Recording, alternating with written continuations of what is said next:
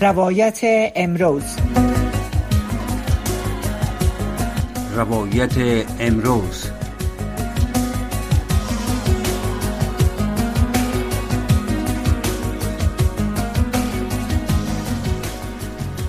شنوندگان عزیز سلام.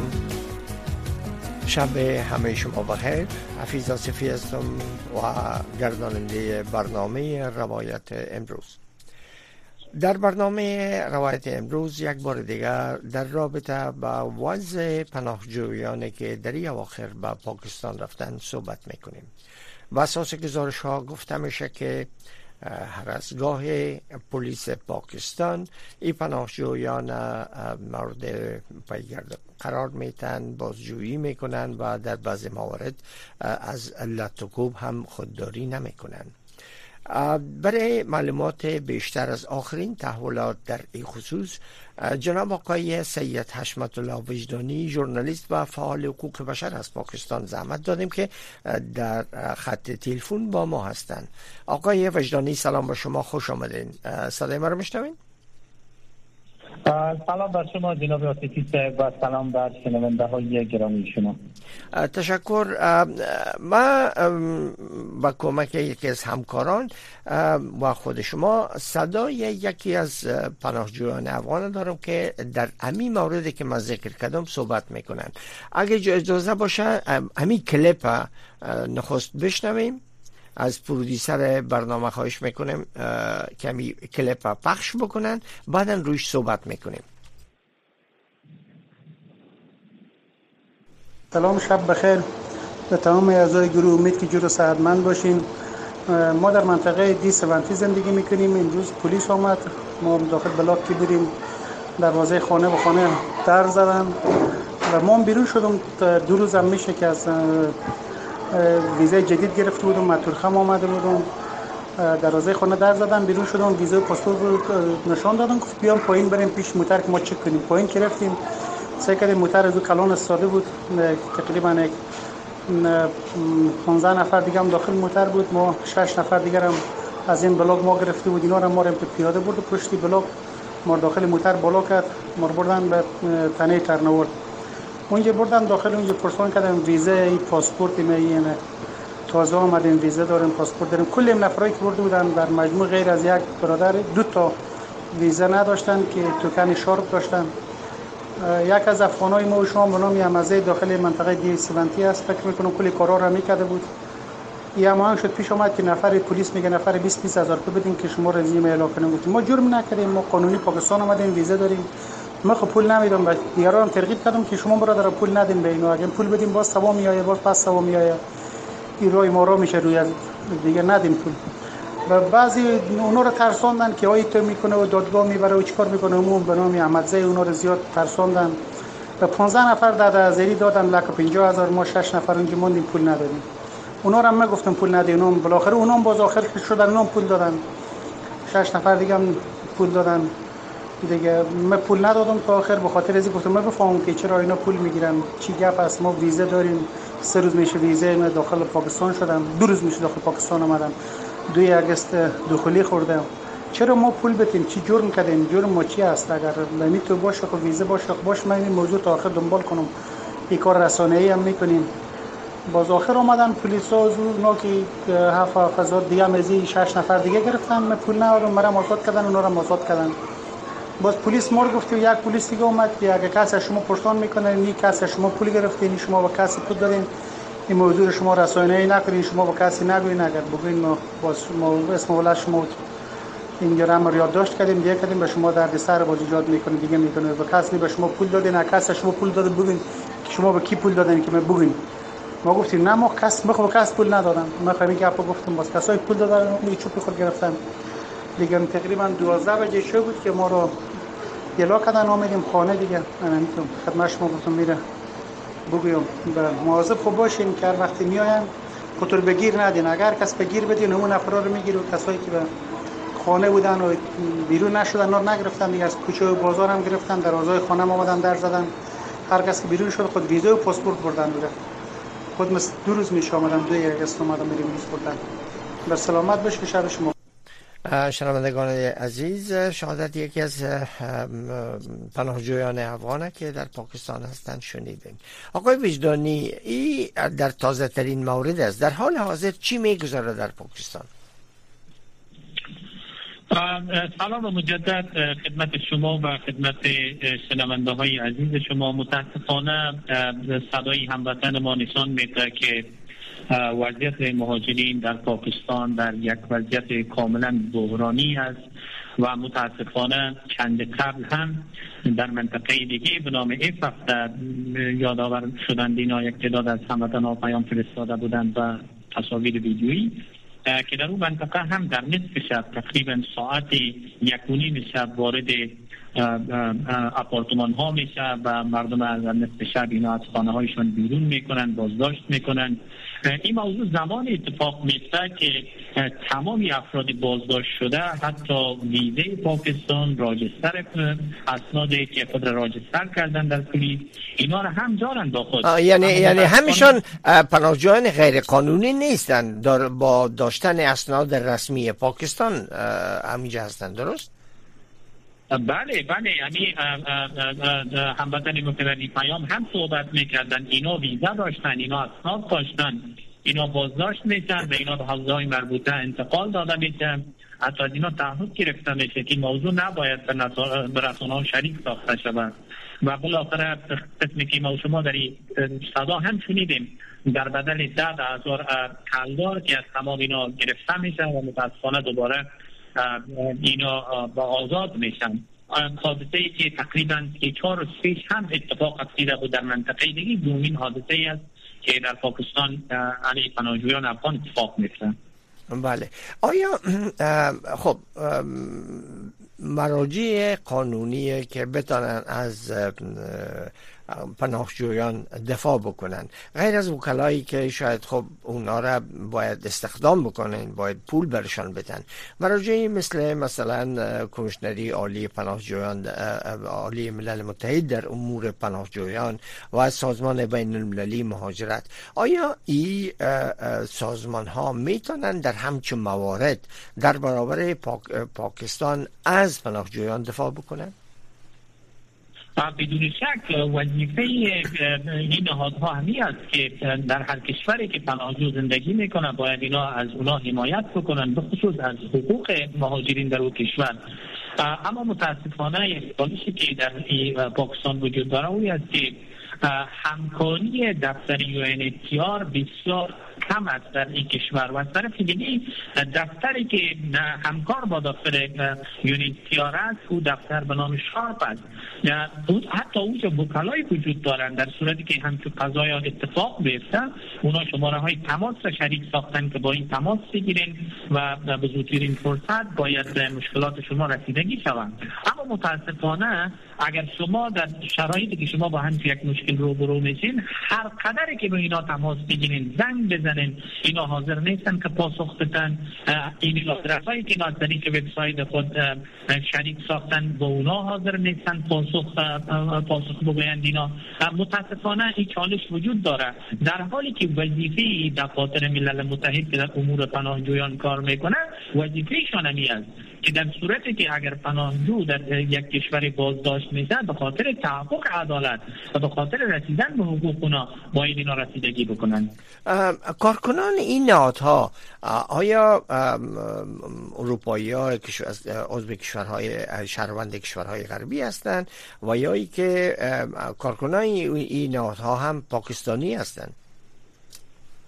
اکثریت کارمندان محلی اینا منظور نظر شارپ است پاکستانی هستند حتی پاکستانی هستند و کمی که در حقوق مهاجرین باید کار و اکثر یونیسیا ساکنده محلی خارجی ها هم از پوست های دینی و بالاتر قرار دارند من فکر می کنم که اکثریت مواقع شکایت بزرگ هستم در حالی که شما می‌تونید خودتان انسان ببینید شما های تماسی وجود دارن شما تماس بگیرید حتی ایمیل بفرستین به اینا.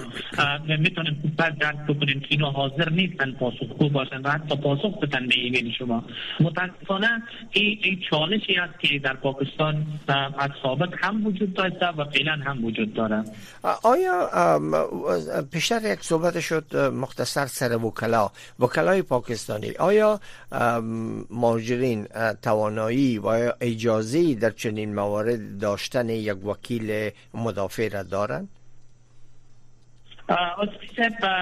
یک تعداد وکلایی که در دفتر شارپ هستند که مربوط به ملل متحد میشن اونا وکلایی هستند که باید بیرون پرداخت کدام فی در صورتی که یک مهاجر با کدام مشکل جدی روبرو میشه اونا مجبور و مکلف هستند که در محاکم از حقوق اینا باید دفاع بکنن. اما هر کسی که در اداره ملل متحد ثبت باشه و اینا یک ورق درشان میتن که به عنوان مهاجر اینا ثبت نام می‌کنن. او را با خود داشته باشه و اینا وظیفهشان است که برن در محاکم از حقوق اینا دفاع بکنن. اما اینکه نوعیت همکاری ها فرق می‌کنه اینا در اکثریت موارد بی تفاوت هستند اما در بعضی موارد ممکن به یک تعداد از مهاجرین اینا رسیدگی کرده باشند و یا همکاری بکنن. تشکر جناب آقای وجدانی. در حال حاضر آیا گفته می‌تونید که امی منظورم پناهجویان تازه وارد است یا کسایی که با اسناد یا بدون اسناد پس از تسلط طالبان در 15 اگست سال 2021 وارد پاکستان شدن بیشتر در شهرها هستند شهرهای بزرگ. اقامت دارن در کمپ ها هستند در خانه های کرایی. چگونه اینا زندگی می‌کنن و بیشتر تجمع افراد در کجا هست؟ یک تعداد از این مهاجرین که بعد از 15 اگر اینا به پاکستان سرازیر شدن در چند کتگوری اینا تقسیم میشن. یک تعداد از اینا بنا به تهدیدات یا مشکلات امنیتی که در افغانستان متوجه جان اینا بودن و اینا را مجبور ساختن. که به پاکستان بین. اینا یک تعدادشان که قبلا تجربه زندگی در پاکستان را داشتن و یک تعداد از اقارب اینا در بعد کمپ های مهاجری فعلا هم فعال هستند. اینا مسکن گزین شدن حتی او خانواده ها به اینا یک اتاق در اختیارشان قرار دادن. هم دوستا و اقاربشان. فداری افرادی هستند. اونا اقتصادی و زمین. عدم مستحق بودن زمینه کار و اونا اونا آمدن در پاکستان و اونا زندگی می‌کنن. اینا تقریبا میشه گفت که در همسو جاها اینا زندگی می‌کنن. اما تعداد از مهاجرین افغان به خاطر تکمیل پرونده های مهاجرتیشان از طرف کشورهای ایالات متحده آمریکا کشورهای اروپایی اینا خواسته شدن به پاکستان زندگی می‌کنن. اقتداد از اینا اسناد قانونی دارن ویزا دارن و اقتدادشون ویزا هایشان تمام بوده و یک تعداد به صورت غیر قانونی زندگی می‌کنن و منتظری هستند که چه زمان پرونده های مهاجرتی اینا تیم اما تعداد زیادی مهاجرینی که تازه آمدن و همین دفاتر ملل متحد خود را ثبت کردن اینا کسایی هستند که تقریبا در شهرها زندگی می‌کنن یک تعداد از اینا انتقال کردن اما یک تعداد دیگه هم هنوز هم منتظری هستند که چه زمانی پرونده های مهاجرتی اینا طی مراحل میشن و اینا انتقال می‌کنن اینا اکثریتشون تقریبا در شهرهای پاکستان زندگی می‌کنن جناب آقای وجدانی در گذاشته ها خب وقتا بعد از که شناختی پاس می‌گرفتن اونا هم بعضا از طرف کمیشنری عالی سازمان ملل متحد در امور پناهندگان کمک مالی می شدن این پناهجویانی که آمدن خب آیا حقی کار دارن و یا از طرف ای سازمان که من نام بردم کمک مالی میشن. در غیر صورت زندگی خود چگونه به پیش می‌برن؟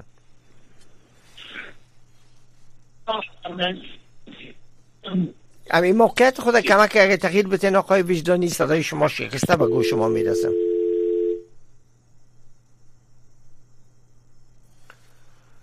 شنونده عزیز متاسفانه که تماس خود با آقای وجدانی از دست دادیم. تا وقتی که دوباره با آقای وجدانی تماس حاصل شود فکر می‌کنم که فقط 15 دقیقه به ختم برنامه مانده ما خبرها رو هم داریم. که می‌تونیم روش خبرها رو بشنیم و اما پرویسر برنامه فعلا تلاش می‌کنن که آقای وجدانی را دوباره روی خط بگیریم. گفتنیست که در برنامه روایت امروز در رابطه به مشکلات پناهجویان تازه وارد به پاکستان صحبت می‌کنیم. شما پیشتر در آغاز برنامه اظهارات و ادعای یکی از شهروندهای افغان شنیدین که در مورد بدرفتاری پلیس بازجویی های خودسرانه صحبت می‌کردند. آقای وجدانی را دوباره روی خط داریم. بفرمایید آقای وجدانی.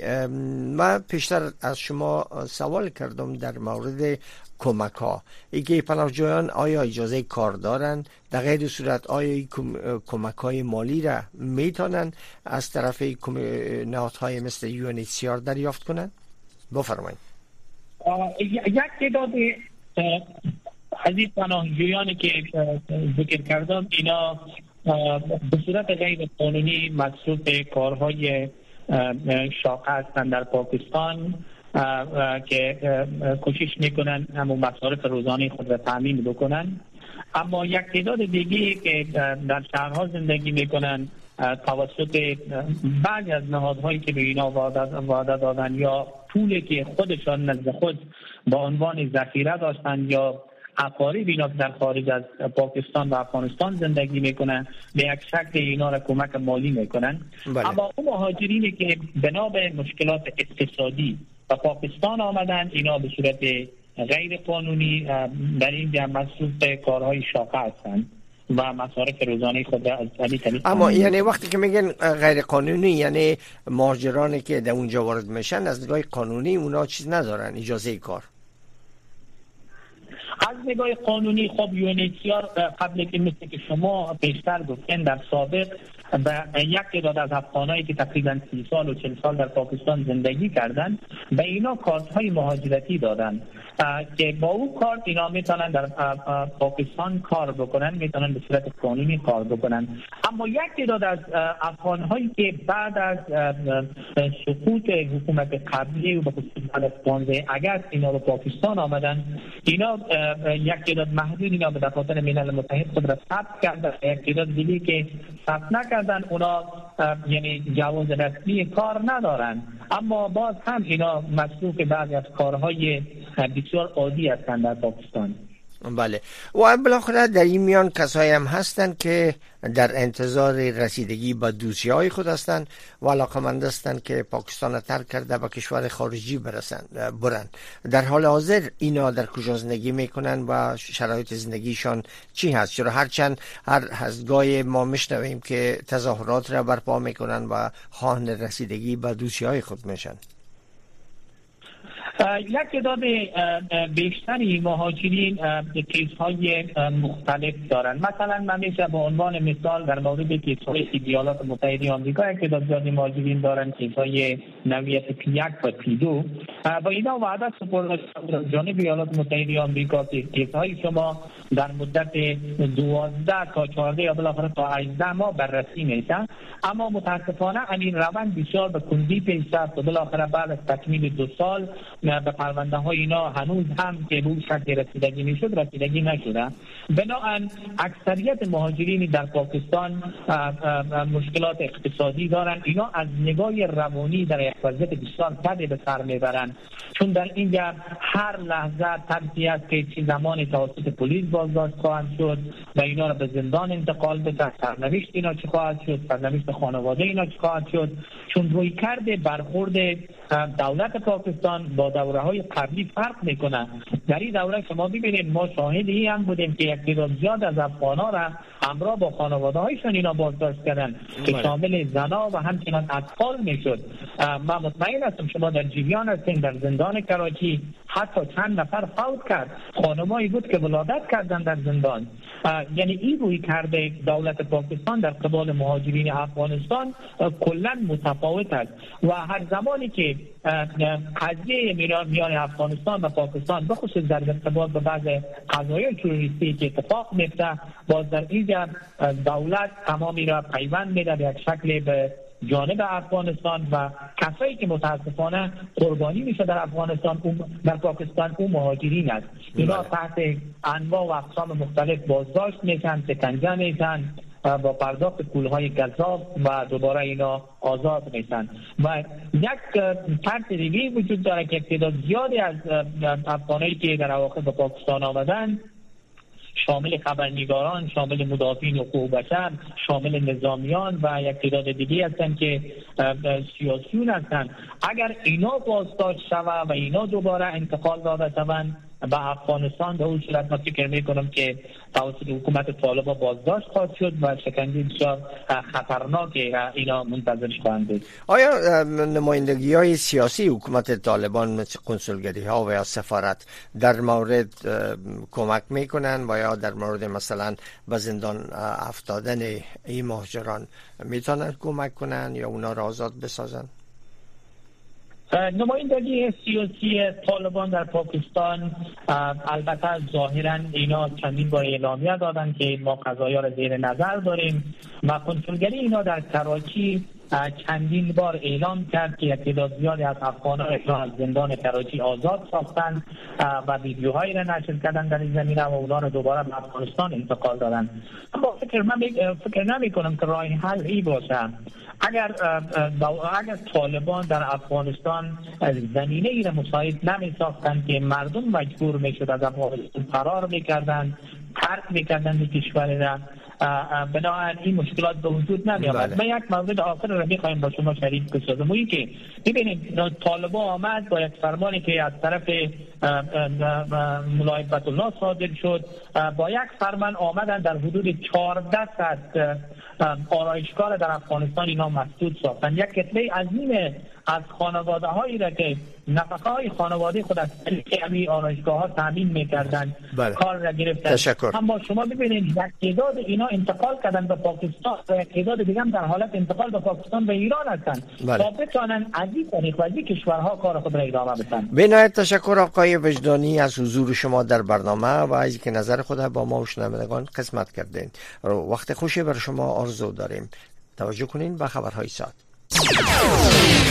شنوندگان عزیز سلام. شب همه شما بخیر. حفیظ آصفی هستم.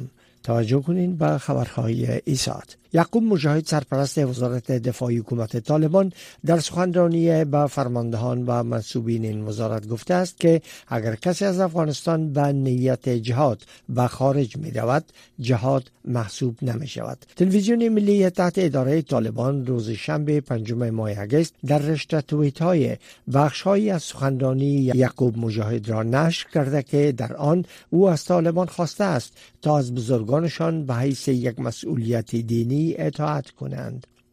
سرپرست وزارت دفاع طالبان در سخنرانی که صرف صدای آن نشر شده گفته است که این دستور امیر رهبر طالبان است و اطاعت از آن واجب فرض و لازم است. او در سخنرانیش در مورد توافقنامه صلح با ایالات متحده امریکا و برخی مسائل دیگر نیز صحبت کرده و از طالبان خواسته است که اقدامات را انجام ندهند که به گفته وی به منافع ملی کشور آسیب برساند. سرپرست وزارت دفاعی حکومت طالبان در سخنرانیش واضح نساخت که طالبان در کدام کشور یا کشورهای در جنگ شرکت می کنند و یا طالبان برای جنگ به کدام کشور رفتهاند.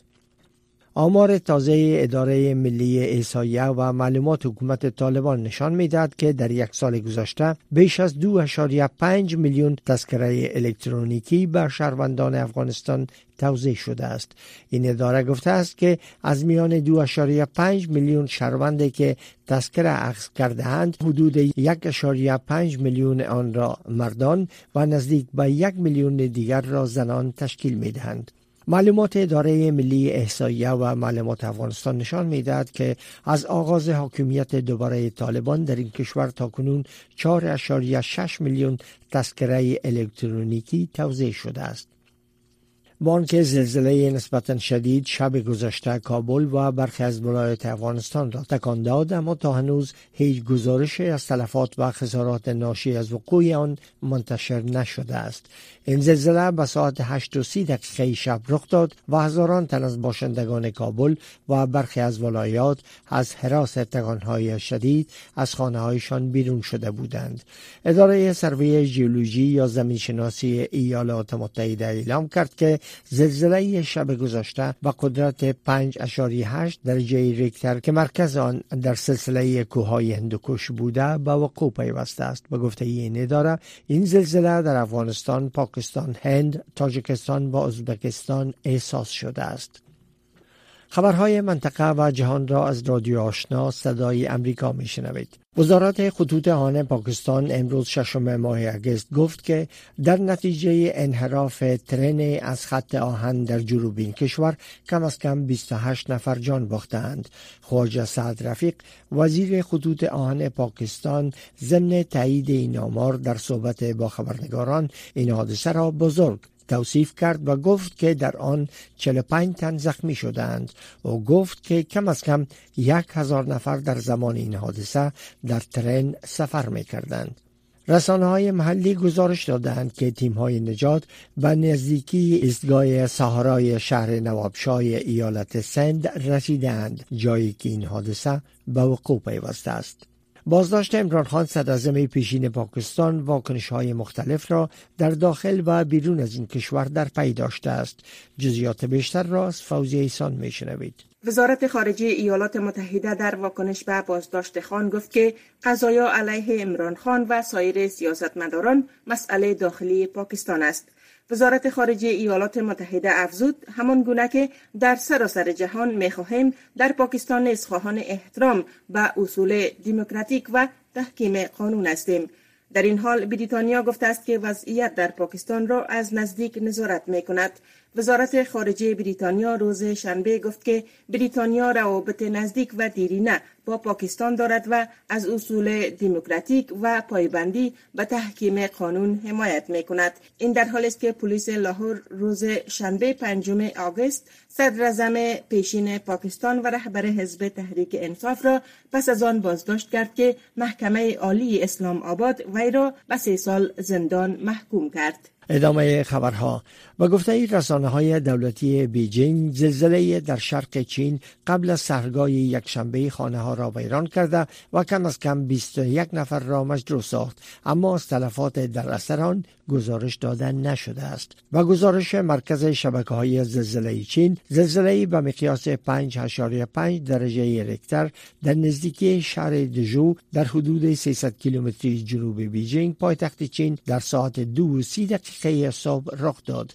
اداره زمینشناسی ایالات متحده مقیاس این زلزله را 5.4 درجه ریکتر اعلام کرده است. تلویزیون مرکزی چین و دیگر خبرگزاری ها گزارش دادند که زلزله باعث فرو ریختن 126 منزل و مجروح شدن 21 تن شده است. مذاکرات به میزبانی عربستان سعودی پیرامون جنگ اوکراین شام شنبه پنجم ماه اگست بدون اعلامیه نهایی پایان یافت. با آن هم یک منبع اروپایی گفته است که روی موضوعات کلیدی و شمول قرار داشتن حاکمیت و تمامیت ارزی اوکراین در میراق هر گونه معامله صلح توافق صورت گرفت. این نشست که در آن نمایندگان حدود چل کشور به استثنای روسیه اشتراک داشتند پس از ساعتها بیانی ها و مباحث در عقب درهای بسته به پایان رسید. بر اساس یک بخشی از بیانیه نماینده برزیل که به فرانس پرس فرستاده شده بود در این نشست نماینده برزیل گفته است که در هر گونه مذاکرات واقعی باید تمامی جوانب به شمول روسیه شامل باشند. پایین اخبار تا این ساعت از رادیو آشنا صدای امریکا. شنوندگان عزیزی بود داشته های برنامه روایت امروز چند لحظه بعد همکارانم با بانو زیبا خادم با آقای عبدالواجد عادل برنامه استاسوغک صدای شما را پیشکش می‌کنند. شنونده رادیو آشنا باشید